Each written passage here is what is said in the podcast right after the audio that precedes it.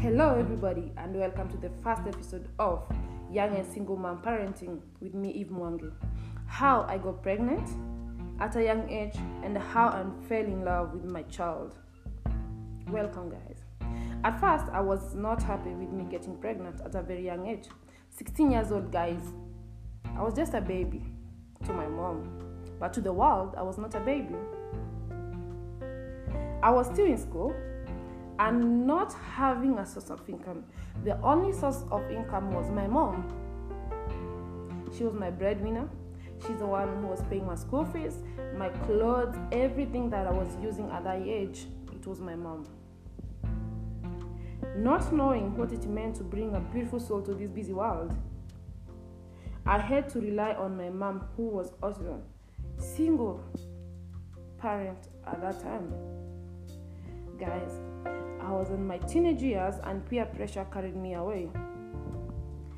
Back then, almost half of the class, I mean, all the girls, like half of the girls in my class, had boyfriends.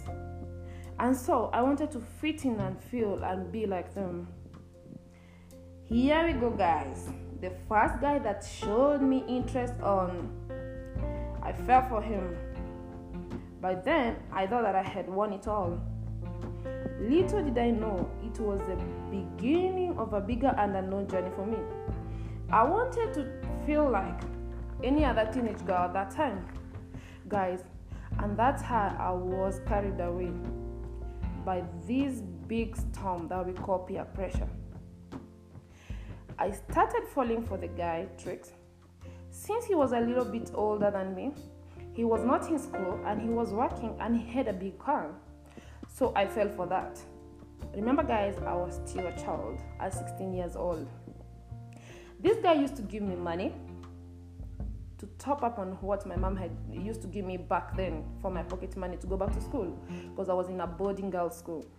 And he used to give me gifts, like he used to buy me like uh, like better shoes. Used to give me like watches. He used to give me like funny, funny things that my mom that would not allow them in her house.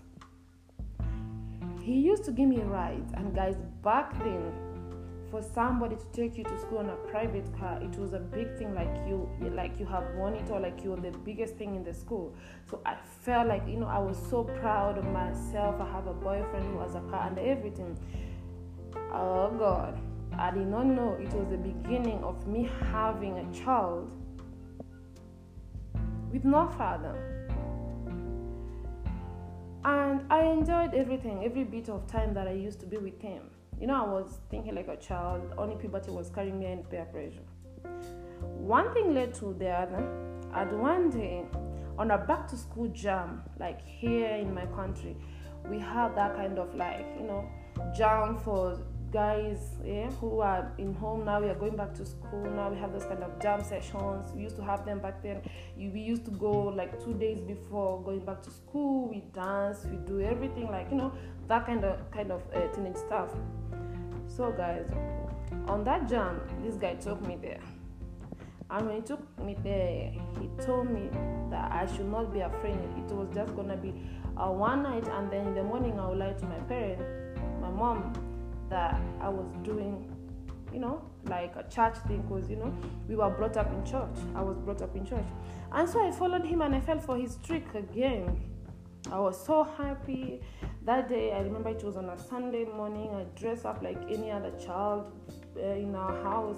And I went to church after church. This guy was waiting for me outside the church